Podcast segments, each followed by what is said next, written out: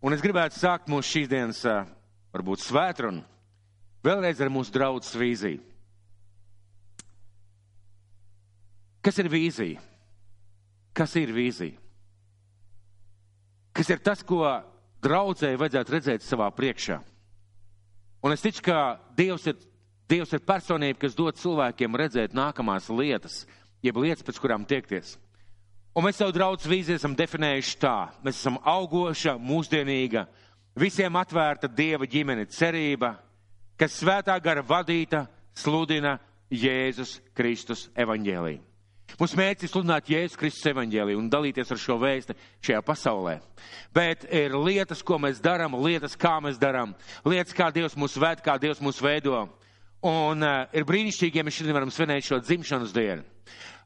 Brīnišķīgi, ka varam svinēt dzimšanas dienu tieši tāpēc, ka šis laiks, kā jau iepriekš minēju, mūs rauj vienu un otru projām. Un daudz lietas nebija iespējamas, bet šobrīd es ticu, ka mūsu zeme ir brīnišķīgi svētīta un pasargāta. Viena no zemākajām saslimšanām, tas nozīmē, ka mēs varam pulcēties, mēs varam tikties un arī svinēt šo dzimšanas dienu kā simbolu tam, ka mēs neesam pazuduši vai izgājuši, mēs esam kopā un mēs esam ģimene. Un vēlreiz sveiciens visiem, kas ir zālē, visiem, kas sēž, visiem draudz locekļiem, ciemiņiem, arī mūsu atbalstītājiem. Uh, šodien mums ir svētki, bet ir vēl, kā mēs jau dzirdējām, ir vēl kāda personība, kam ir svētki. Un es esmu pilnīgi pārliecināts, ka mūsu debes tēvam ir svētki šajā dienā. Ka viņš kopā ar mums šajā zālē svin šo dzimšanas dienu un ka viņš priecājas par to, ka mēs kā draudzi varam sanākt kopā un ka mēs kā draudzi varam svinēt. Un uh, tas neapšaubām bija viņa abrīnojamais, ģeniālais, vienkārši unikālais Dievu plāns. 73. gadā, caur kādu cilvēku, kas tajā laikā bija mācītājs, sākt draudz. Mūsu draudze ir viena no pirmajām, ja pirmā draudzē padomju savienības teritorijā, kur ir tik oficiāli dibināta. Bija kādas grupas, kas jau pulcējās pirms Latvijas, pirms uh, otrā pasaules kara. Bija uh, draudzes, kas bija dibināts, bija grupas, kas pulcējās. Kara laikā arī cilvēki tikās un pulcējās, protams, pagrīdē un arī padomju laikā un uh, 73. gadā šīs draudzes pirmais mācītājs, ja tā varētu teikt, saņēmās drosmi un uh, runāja ar cilvēkiem un gāja, dibināja draudz un rakstīja sarakstu, kas ir draudzē. Un toreiz tā bija liela drosme. Toreiz, mīļie, tā bija liela drosme un paldies šiem cilvēkiem, paldies šiem laikam un paldies tiem cilvēkiem, kuri darīja šīs lietas. Un uh, ir bijuši visādi laiki mūsu draudzē. Mēs jau dzirdējām no Anitas, ka uh, Mūsu draudzene ir pulcējusies Pāvela baznīcā, kad, iespēja, kad vairs nebija iespēja pulcēties, pulcējās uz trepēm, pulcējās lielajā sajiešanas teltī pie sporta manēžas, pulcējās dzīvoklī, pulcējās pestīšanas templī, pulcējās Auroras klubā, atkal templī, un šobrīd mēs esam šeit. Bija dažādi laiki, dažādi cilvēki, dažādi notikumi. Un no tā, kāda mēs šodien būsim, kas mēs būsim šodien, būs atkarīga arī šīs draudzes nākotne. Mēs skatāmies atpakaļ, mēs sakām, paldies Dievam par tiem cilvēkiem, bet tik ļoti vajag, lai cilvēki pēc gadiem 10, 20, 30 skatītos atpakaļ un teiktu, paldies Dievam par tiem cilvēkiem, kas 20. gadā kalpoja, darīja, svētīja, cēla un bija šajā draudzē. Paldies Dievam par šiem cilvēkiem. Un man ļoti gribētos, lai mēs tādā veidā varētu dzīvot un lai mēs tā varētu skatīties un lai mēs to varētu piepildīt. Un es ticu, ka šajā laikā ir ļoti svarīgi runāt par draudz, par vietējo draudz, ne tikai par visas pasaules vai visu Latvijas draudzēm, bet tieši par vietējo draudz kā par Kristus gribu. Mīļie, vietējā draudz, jeb draudz kādā pilsētā, kādā ciematā, varbūt kādās vairākas draudzes kādās pilsētās, tā ir Dieva griba. Tā ir Dieva griba, Dieva plāns, tā ir Dieva dāvana šī te, šīs te ģimenes, Dieva ģimenes, kas piedzimst kādās pilsētās. Un tā ir Kristus ģimene. Tā ir Kristus ģimene, un no šīm mazajām ģimenēm, no šīm mazajām liesmiņām sastāv lielā liesma, ko mēs saucam par lielo Kristus miesu, par visu pasaules ticīgiem cilvēkiem. Kāpēc šodien par to ir svarīgi runāt? Jo šodien tik ļoti ienaidnieks uzbrūk draudzēji, Tāpat kā ģimenē. Mēs zinām, kas notiek šobrīd ar ģimenēm. Mēs zinām, kā tiek grautas mērtiecīgi un sistemātiski tiek grautas ģimenes vērtības. Skats uz ģimeni kā tāds. Un arī uz draugu šodien. Sātans pielieto visus ieročus, lai, lai bojātu draudz, lai dubojātu draudz iespēju, lai bojātu to, kā cilvēki skatās uz draudzēm. Un šis, šie te uzskati cenšas ielausties arī kristīgajā ticībā. Un šis te brīvā klausītāja gars ko šodien sauc par garīgumu. Šis te uh, cenšanās nepiederēt, cenšanās būt neatkarīgam, cenšanās būt garīgam, vientuļam bruņiniekam, šīs tendences ielaužās Kristus draudzē, ieraudzā, ielaužās Dieva draudzēs. Un šodien ir svarīgi runāt par draudzi kā par Kristus miesu, kā par Kristus locekļiem, kā par Kristus uh, būvību Dievu namu ir ļoti svarīgi. Un es personīgi šim viedoklim par šo garīgo vientulību nepiekrītu. Un es domāju, ka es esmu pārliecināts, ka mēs šodien varam teikt visu paldies Dievam par šo draudz, tie, kas esam. Tie, kas esam šajā draudzē, visi varam teikt paldies Dievam par šo draudz. Kaut kādā ziņā, kaut kādā nozīmē, kaut kādā lietā. Kad man palika 50 gadi, tas bija daudz, daudz gadus atpakaļ, vesels septiņus. Un es zināju, ka rītā man ir dzimšanas diena, un es zināju, ka rītā es svinēšu 50 gadu jubileju. Es nezināju, ko man radinieki un ģimene bija sagatavojuši. Bet es atceros, ka tajā vakarā aizgāju gulēt, noliku galvu uz pilvana un domāju, cik man ir bijusi izcila dzīve. Esmu tik daudz darījis lietas, ko es nebūtu darījis, ja es nebūtu kristietis. Es darīju tik daudz lietas un notikumus un situācijās bijis, kuras es nekad nepiedzīvotu, ja es nebūtu ticējis Kristum. Un, ziniet, visas šīs lietas ir bijušas saistītas tieši ar šo draudz. Tieši ar draudz cerību. Tāpēc es personīgi kā cilvēks varētu var pateikt vislielāko pateicību ikvienam, kas ir bijis šeit draudzē kas cēla šo draudz, kas sāc šo draudz, kas kalpoja šajā draudzē, kas šodien ir un kas šodien kalpo šajā draudzē. Vislielāko pateicību. Un tā ir tā svētība, ko mēs katrs varam piedzīvot, ja mēs esam kādā draudzē vai kalpojam šajā draudzē. Pasaulē ir cilvēki, kuriem nav noteiktas dzīves vietas. Un es pat negribu zināt, eh, negribu viņus nosaukt, kā, kā, kāds ir īstais šis vārds. Bet ir cilvēki, kuriem nav noteiktas dzīves vietas. Un eh, tie ir nelaimīgi cilvēki. Tie ir cilvēki, kuri nav laimīgi cilvēki. Un reizēm šiem cilvēkiem, kad mēs ar viņiem runājam, viņi varbūt guļ uh, ielā, uz, ielā uz ielas kastē, vai kādā trepju rūmē, vai kādā vārtu rūmē. Un reizēm, kad ar šiem cilvēkiem mēs runājam, viņi ļoti lepni saka, esmu neatkarīgs, esmu patstāvīgs, neviena nav pār mani kungs, es daru, ko es gribu, es daru, kā es gribu, un es gribu, daru, kad es gribu. Šie cilvēki bieži vien domā, ka viņi ir tik laimīgi, svētīti un neatkarīgi. Un, bet patiesībā viņi ir nelaimīgi cilvēki. Viņi ir cilvēki, kuriem pietrūkst paša, paša galvenā - cilvēku mīlestības, cilvēku blakus, ģimenes. Bet viņi var domāt, ka viņi ir laimīgi, priecīgi, un reizēm viņi tā arī apgalvo. Bet viņi ļoti maldās. Un ir kristieši un dievu bērni. Uh, un mēs dievu bērni neesam aicināti būt bez savas garīgās ģimenes. Mēs neesam aicināti būt kā šie bezpajumtnieki, bet cilvēki, kuriem nav savas dzīves vietas bez pieraksta. Mēs neesam aicināti tā dzīvot. Jo Dievs ir veidojis un Dievs ir radījis un Dievs ir domājis, ka katram, katram Dievu bērnam vajadzētu būt kādā draudzē, kādā vietējā draudzē, jābūt kā savā garīgajā ģimenē. Jābūt, un šī garīgajai ģimenei jābūt piederības, kalpošanas, misijas un mīlestības vietai. Vietai, kur tu mīli un vietai, kur tevi mīli. Un tā ir Kristus mūsu pestītāja griba. Tā ir viņa svētība, tā ir viņa dāvana mums cilvēkiem. Tā ir Dieva dāvana draudz, piederēt kādai konkrētai draudzē. Un uh, Bībelē ir kādi pāris panti, kas ļoti runā par to, ka tieši Dieva gaismā, jeb Dieva vārdā mēs varam ieraudzīt patiesību. Un šie vārdi skan apmēram tā, tavā gaismā mēs redzam gaismu. Drusku paradoxāli šie vārdi, tavā gaismā mēs redzam gaismu.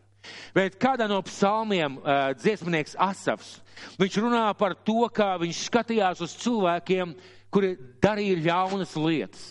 Viņš skatījās uz cilvēkiem, kuri darīja nepareizas lietas, un viņa plauka, viņa zēla, viņiem viss izdevās, un viņa, viņa taukānā sejas spīdēja aiz labklājības. Un Asafs saka, es gandrīz būtu pakritis, es gandrīz būtu pievienojies viņiem, es gandrīz būtu aizgājis tajā virzienā. Un tālāk viņš saka, un es līdz es iegāju Dieva namā, līdz es iegāju svētnīcā, un tieši svētnīcā Dievs viņiem atklāja, kāds liktenis gaida šos cilvēkus. Un Dieva vārds ir tas, kurš mums atklāja patiesību par draudz, patiesību par ģimeni, patiesību par garīgo ģimeni, Dieva vārds. Un šodien es gribētu mūs visus vest uz 1. Pētera vēstuli. 1. Pētera vēstule, otrā nodaļa, sākot no otrā panta. 1. Pētera vēstule, otrā nodaļa, sākot no otrā līdz piektajam pantam. Karoj, kārojiet, kā pat labam piedzimuši bērni, pēc garīgā, tīrā piena, ka jūs ar to augat un to pat izglābt. Ja jūs esat baudījuši, ka tas kungs ir labs, ejiet pie viņa kā pie dzīva akmens, kas gan cilvēku atmes, bet dievam izredzēts un dārgs. Un uzceliet no sevis pašiem, kā dzīviem akmeņiem, garīgu namu, un topiet par svētu priesteru saimi, nesot garīgus upurus, kas dievam ir patīkami caur Jēzu Kristu. Un eh, šajos pantos ir runa par brīnišķīgu dieva nama celtniecību. Par nama, kas ir veltīts dievam, kurā dievs atklājās. Un šajos pantos ir apslēpta liela dieva gudrība un dieva vēsts priekš mums cilvēkiem. Un es gribētu lasīt vēlreiz. Kārojiet kā pat labam piedzimuši bērni pēc garīgā, tīrā piena, ka jūs ar to augat un to pat izglābt. Ziniet, neviena mamma savam bērnam neprasa, kurš, kurš jau maz tāds zīdainis vai mazs bērniņš, vai īsti nemāk runāt. Neviena mamma neprasa, bērns, vai tu gribi pieniņu? Vai tev lap, lap, lap, lap, lapa tikto šodien no rīta paēst brokastiņas mammas pieniņu? Bērns vienkārši attaisa savu mazo skaisto mīlestīgo, mī, mī, mī, mīļoto mutīti un vienkārši sauc uz mammu. Viņš kāro pēc pieniņa. Un ziniet, viņš mierā neliekās ne ar kili kili, ne ar uķi uķi. Viņam vajag paēst. Un šajā pantā teikts, kārojiet pēc šī garīgā piena, kā mazi bērni. Trešais pants. Ja jūs esat baudījuši, ka tas kungs ir labs, tas nozīmē, ja mēs esam baudījuši, mums ir jākorā, jākāro pēc šie piena. Ceturtais, ejiet pie viņa kā pie dzīva akmens, kas gan cilvēku atmes, bet dievam izredzēts un dārgs. Un mēs zinām, ka Bībele saka, ka Jēzus ir šis stūra akmens, būves sākums un būves pamats. Jēzus Kristus, bez Jēzus nevar uzcelt draudz, bez Jēzus nevar uzcelt savu garīgo dzīvi, bez Jēzus nevar uzcelt neko, eh, ko mēs varbūt gribētu izcelt, uzcelt. Un piektais pants, un uzceliet no sevis pašiem kā dzīviem akmeņiem garīgu namu un topiet par svētu priesteru saimi, nesot garīgus upurus, kas Dievam ir patīkami caur Jēzu Kristu. Un es gribētu pakavēties pie šiem vārdiem šodien šajā dzimšanas dienā. Un uzceliet no sevis pašiem. Vai šeit kāds kādreiz kaut ko ir mūrējis, būvējis, cēlis? Ir kādi vīrieši, kas ir kaut ko būrējuši? Mēs visi esam pareizi. Un parasti kā mēs darām, mēs ņemam kaut ko un no tā kaut kā būvējam, pareizi? Un tas kaut kas nesam mēs paši. Šajā vietā, šajā vietā svētais gars saka, uzceliet no sevis pašiem. Neskaties apkārt. Neskaties, no kā tu varētu uzbūvēt dieva namu. Neskaties no tiem, uz, uz kaut kādiem darbiem, no kuriem tu būvēsi dieva pagodināšanas lietas. Skaties uz sevi Un patiesībā šajā vietā svētā Dievs saka, paskaties uz sevi un paņem sevi. Ziniet, paņemt sevi un no sevis uzbūvēt Dievu namu nav tik vienkārši. Nav tik vienkārši no sevis būvēt. Ir jābūt kādām pāris lietām. Šeit ir jābūt šeit brīvprātībai, šai personīgai vēlmei no sevis uzcelt šo Dievu namu. Ir jābūt uh, sajūtai, es gribu to darīt. Un jābūt šai sajūtai, atsaukties šim aicinājumam. Es gribu no sevis uzcelt šo garīgo namu. Un ik viens no mums, kas sēž šajā zālē, mēs ticam mūsu debes tēvam, un mēs gribam, lai tiek uzcelts Dieva nams. Man jums ir labā ziņa. Neviens no mums nevaram uzcelt Dieva namu, neieliekot sevi iekšā. Mēs neviens nevaram uzcelt namu, kas pagodina Dievu, ja mēs sevi neieliekam iekšā. Savādāk tas paliek ārpus mums. Jā, tie cilvēki ir uzcēluši, kāds ir uzcēlis, kāds tur ir uzbūvējis, bet ja es tur neesmu iekšā, tas nav Dieva nams, kurā es esmu iemūrēts. Tas nozīmē, ka man ir jāgrib personīgi sevi iemūrēt. Otrā lieta. Un uzceliet no sevis pašiem kā dzīviem akmeņiem. Kā dzīviem akmeņiem. Interesanti, ka namus ceļ no akmeņiem, no ķieģeļiem, tajā laikā cēla vairāk no ķieģeļa, no akmeņiem. Mēs esam šie dzīvie akmeņi, dzīvie akmeņi. Ziniet, dzīvu akmeni, ne, nedzīvu akmeni, pat lai tu viņu ieriktētu kaut kādā mūrī, tev vajag apskaldīt, tev vajag piecirst, tev vajag kaut kā pielīdzināt, lai viņš darētu tai vietai. Mēs esam dzīvi akmeņi. Tas nozīmē, ka mēs spējam pielāgoties, mēs spējam mainīties, mēs spējam izmainīties no iekšienes, lai Dievs varētu mums kaut kādā veidā ielikt. Bet, ziniet, viens akmens nav Dieva nams. Un reizēm ir tā, ka mēs domājam, esmu Dieva nams, es ticu Dievam, viens akmens nav Dieva nams. Nevienam kristietim Jēzus virs zemes nav pateicis, paliec viens, un tu būsi Dieva nams. Mēs reizēm sakām, Dievs manī dzīvo. Jā, Dievs manī dzīvo. Bet kāpēc šajā vietā iet runa par šo te kopā būvēšanu? Uzceliet no sevis kā no dzīviem akmeņiem. Viens akmens nav Dieva nams. Un pat viens akmens, akmens nav pat siena.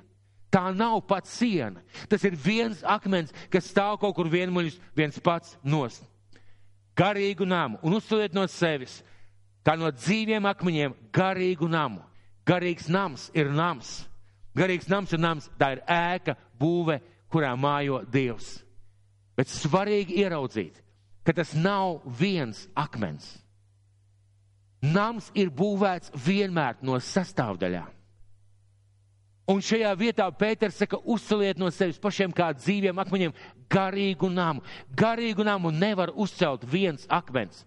Garīgs nams sastāv no daudziem, sa, daudzām sastāvdaļām, jeb daudziem akmeņiem, jeb ķieģeļiem, kurā mājo Dievs, kurā atklājās Dievs. Ļoti svarīgi to ieraudzīt un šajā mirklī to arī saprast. Svarīgā lieta, ko šeit vajadzētu ieraudzīt, un topiet par svētu priesteru saimi, nesot garīgus upurus, kas Dievam ir patīkami caur Jēzu Kristu. Runājot par šiem, par šiem akmeņiem. Es zinu, ka ir cilvēki, kuri krāmē vai liek kaut kādas mājas vienkārši no blokiem, un nav nekādas saistvielas. Kad, mēs, kad Dievs šajā vietā runā par šiem te akmeņiem, uzceliet no sevis no, kā no dzīviem akmeņiem garīgu namu, mēs varam mēģināt krāmēt akmeņus kaut kādās kaudzēs. Bet, ziniet, šie akmeņi neturēsies kopā, viņi neturēsies kopā. Vienīgais veids, kā akmeņi turās kopā, ja ir kaut kāda saistviela pa vidu starp šiem akmeņiem. Parasti, kad mēs būvējam māju, mēs liekam jau cementu, smiltis, mēs liekam pa vidu, lai šie akmeņi turētos kopā. Kas ir tā saistviela, kas satur cilvēkus kopā, kad viņi būvē šo garīgo namu draudz? Vienīgā saistviela, kuru Dievs mums ir devis, ir mīlestība vienam uz otru. Un, kad mēs skatāmies uz Dievu, mēs skatāmies uz Dievu, kāds Viņš ir. Un viņš mūsu dzīvē māca un dod šo mīlestību vienam uz otru. Un tā ir tā paradoxālā lieta, ka, tad, kad mēs ceļam šo namu, mēs vienīgais veids, kā varam uzbūvēt, pat ja mēs gribētu no sevis uzbūvēt, mīlot tos cilvēkus, kas ir mums blakus. Mācoties mīlot, mīlēt un pieķerties tiem cilvēkiem, kas ir mums blakus. Tas ir vienīgais veids, kā mēs varam sasaistīties ar šiem akmeņiem, kas ir apkārt. Vienīgais veids - mīlestība ir šī saistviela. Ceļot, mēs topām par svētu priesteru saimi. Ko dara priesteris? Ko dara priesteris? Priesteris pirmām kārtām satiekās ar Dievu, un otrām kārtām pienes šos te garīgos upuļ, upurus. Kā mēs pienesam garīgus upurus? Jo rezultāts ir pienesami garīgus upurus, kas ir Dievam patīkami caur Jēzu Kristu. Mēs varam pienest šos garīgos upurus kalpojot draudzē, kalpojot arī ārpus draudz ar savām dāvanām, ar tām talantiem, ar tām spējām, kas ir iedots mūsu dzīvē. Un ja mēs paskatāmies šo kopējo bildi, un ko Pāvils, ko Pēters svēta gar vadīts, viņš saka, un uzceliet no sevis pašiem, kā no garīgiem akmeņiem, liekot pa vidu mīlestību kā jāvu Dieva templi. Dievu namu, kurā jūs kā svēti priesteri paši nesat šos garīgos upurus, kas ir Dievam patīkami un dārgi. Un šī vieta runā viennozīmīgi par draudz. Nav nevienas norādes, neviena mazākā mājiņa par kādu garīgu vientuļu bruņniecību. Runa iet vienkārši par draudz. Un ļoti interesanti un vērtīgi ir ieraudzīt, ka Pēters svētā gar vadīts runā par draudz kā par dieva namu. Pāvils runā kā par Kristus ķermeni, kā par Kristus miesu. Un es gribētu jūs visus aizvest uz Efeziešu vēstuli. Vēstuli Efeziešiem 4. nodaļa, 15. 16. pants. Vēstuli Efeziešiem 4. nodaļa, 15. 16. pants. Bet patiesīgi būdami mīlestībā, visās lietās, pieaugsim viņā, kas ir mūsu galva, proti Kristus. Kā mēs varam pieaugt? Viņā visa miesa kopā saturēta un visādām palīgas saitēm vienota, pastāvīgi aug pēc tām spējām, kas katrai viņas daļai dotas, kļūdamas aizvien pilnīgākas mīlestībā. Un patiesībā arī šī vieta runā, ka Kristus ir galva un ka mēs esam locekļi. Sakiet, cik daudz jēgas ir no vienas rokas, kas kaut kur darbojās? Vai cik daudz jēgas un nozīmes ir viena kāja? Vai, nezinu, viena auss vai viena acs? Nozīme ir tikai tad, ja viņi ir pie ķermeņa, ja tikai pie miesas. Un šajā vietā apustulis Pāvils atkal runājot par draudz, viņš saka, mīļie, jums ir jāierauga, kā Dievs redz draudz. Dievs redz draudz kā Kristus miesu, kuras galva ir Kristus un jūs savā starpā kā locekļi esat savienot ar dzīslām, ar šūnām, ar nerviem. Jūs kopā darat vienu darbu, un tādā veidā jūs augat, attīstaties tādā veidā, kā Dievs jūs ir aicinājis. Ja ķermenī ir viens loceklis, ja šeit loceklis kaut kur atsevišķi klīst, viņš nevar izdarīt to, ko šajā vietā aicina Dievs. Tas nozīmē, ka arī šajā vietā iet runa par to, ka mums ir jābūt kādā draudzē. Kas ir kopīgs šīm abām vietām? Šīm abām divām vietām kopīgs ir tas, ka Dievs runā par vienotību, par kopīgu, par ģimeni, par atkarību vienam no otra. Par atkarību vienam no otra. Un ļoti svarīgi ieraudzīt vienu lietu. Ja mēs esam draudzē, ja mēs esam sevi imūrējuši šajā, šajā namā, kā garīgajā namā, ļoti interesanti ir ieraudzīt, ka mūsu spējas vairojās. Mūsu talanti pieaug, mums pieaug spēks, varēšana, izpratne lietas. Mums vakar bija draudzes diena, un eh, tie, kuri piedalījās, kuri piedalījās šajās eh, izdzīvošanas nodarbībās, jeb mezglu siešanā, mēs sējām kādu interesantu mezglu. Mēs sējām kādu mezglu, kurā uh, ja sējām virvi no koka uz koku tā, lai varētu aiziet, pāriet pa šo virvi. Un tad, kad tu vienkārši piesieni virvi pie koka, kad tu mēģini nostiept un aptīt ap koku tā, lai var iet, nekad nav iespējams nospiet, nostiept tik stingri, lai varētu iet vai vilkt mašīnu, vai tiešām varētu droši pāriet kādai aizēt. Bet tad ir kāds knifs. Šajā virvē, kas nāk no koka līdz kokam, ir jāuzsien cilpa, caur kuram tu izver galu, un kad tagad tu velc aiz šī gala, spēks dubultojās. Tas, kā tu varēji novilkt viens pats bez šīs cilpas, tas spēks dubultojās. Tu vari daudz stiprāk nospriegot. Un šī vieta, šī līdzība runā arī par to, ka kopā viens ar otru mēs papildinām. Mūsu spējas vairojās, mūsu talanti aug, mūsu garīgais līmenis, tā varētu teikt, aug, mūsu nodošanās Dievam aug. Un tas ir iespējams tikai kopā esot draudzē. Un mūsu viena vājā puse tiek stiprināta ar otru cilvēku stipro pusi. Mūsu draudza cerība ir Dieva sapnis. Mēs reizēm sakam vai domājam tā, vai Dievs sapņo, Dievs visu zina, Dievs visu redz, Dievs visu grib. Bet man gribētos teikt, tas ir Dieva sapnis. Jo katra lieta, ko Dievs ir darījis vai vēlās darīt, viņš domā par to. Tā ir viņa vēlme. Un reizēm sapnis mēs definējam arī par vēlmēm. Draudz cerība ir Dieva sapnis, tā ir Dieva ģimene, tā ir Dieva ideja, tas ir Dieva nodoms. Atcerēsimies, mēs esam Dieva ģimene. Dieva ģimeni, ko Dievs dibināja.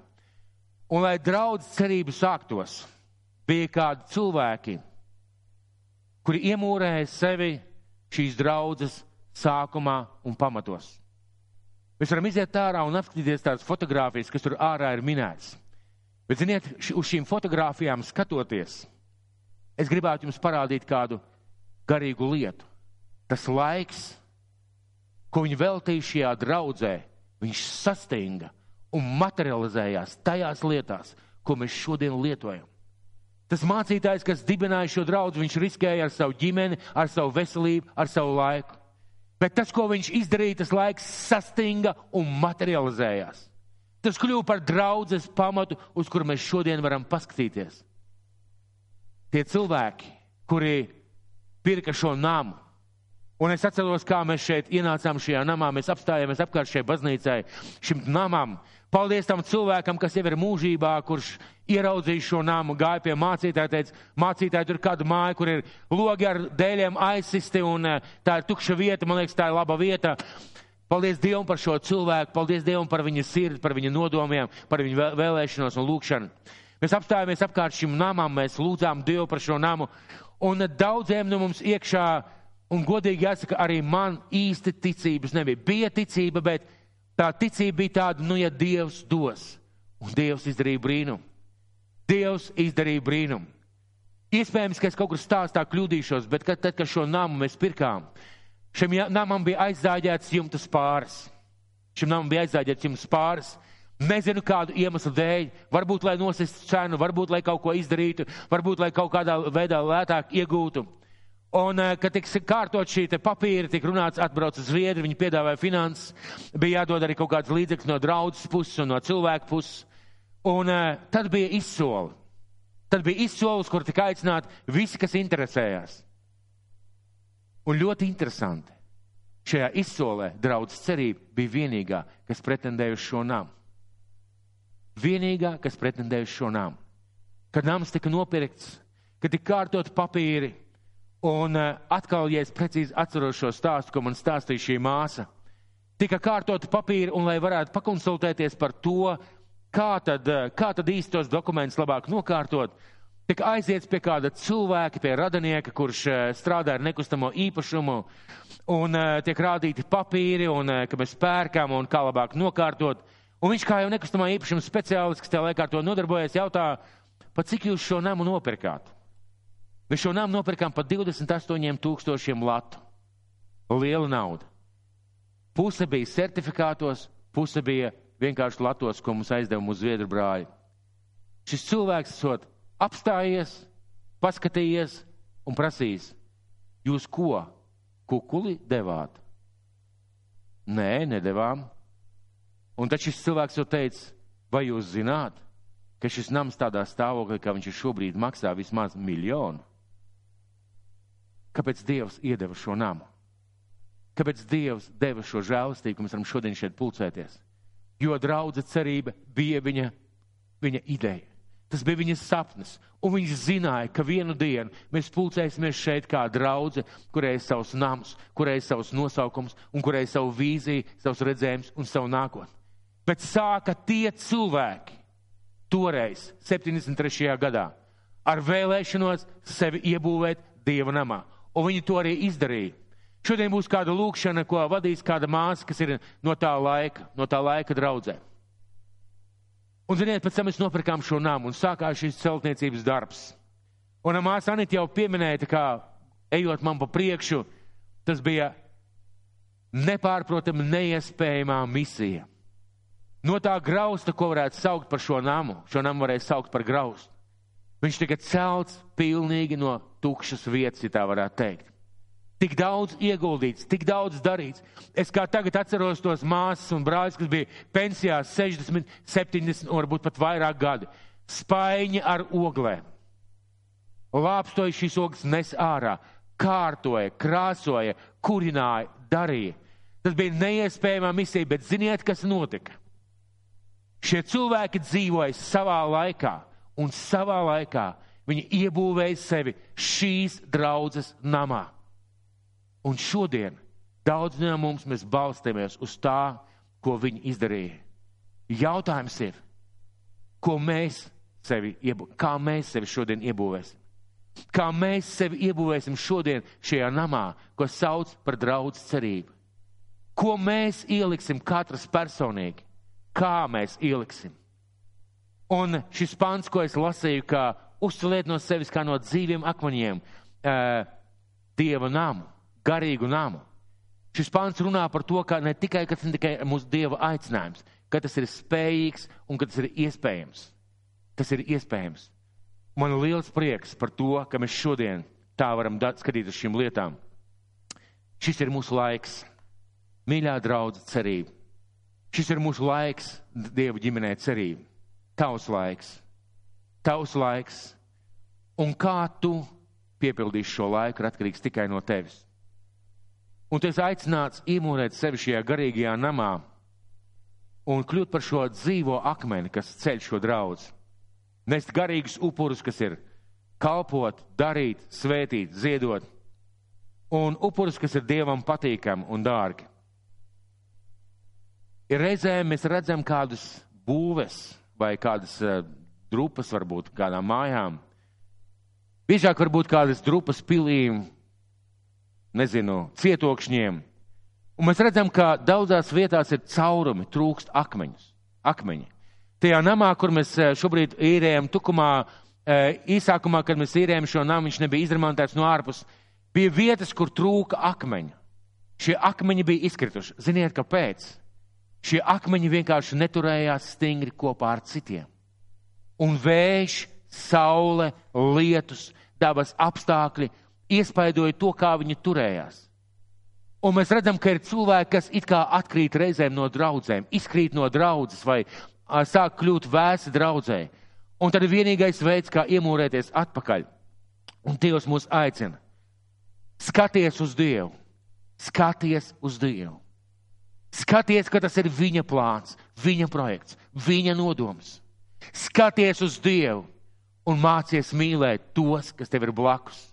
Un jebkuru mūru var salabot, ja viņā ieliek atpakaļ šo ķieģeli, iesmērē jau, ja mīlestība parādās šo cilvēku starpā jebkur mūru tā var atjaunot.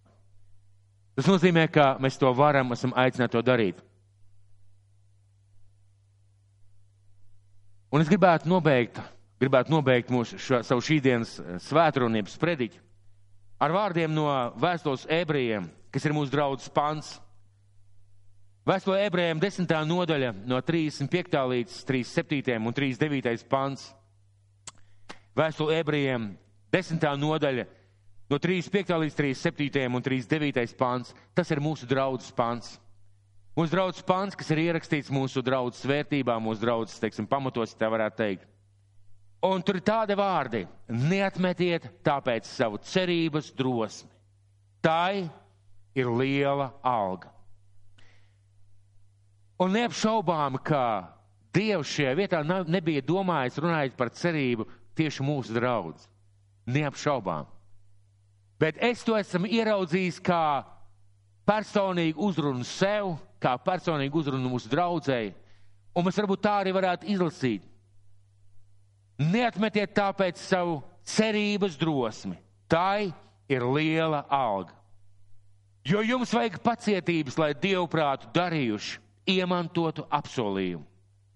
Jo vēl maz brīdis, un tas, kam jānāk, nāks un nekavēsies. Bet mēs neesam tie, kas atkāpjas uz pazušanu, bet kas tic un iemanto dzīvību.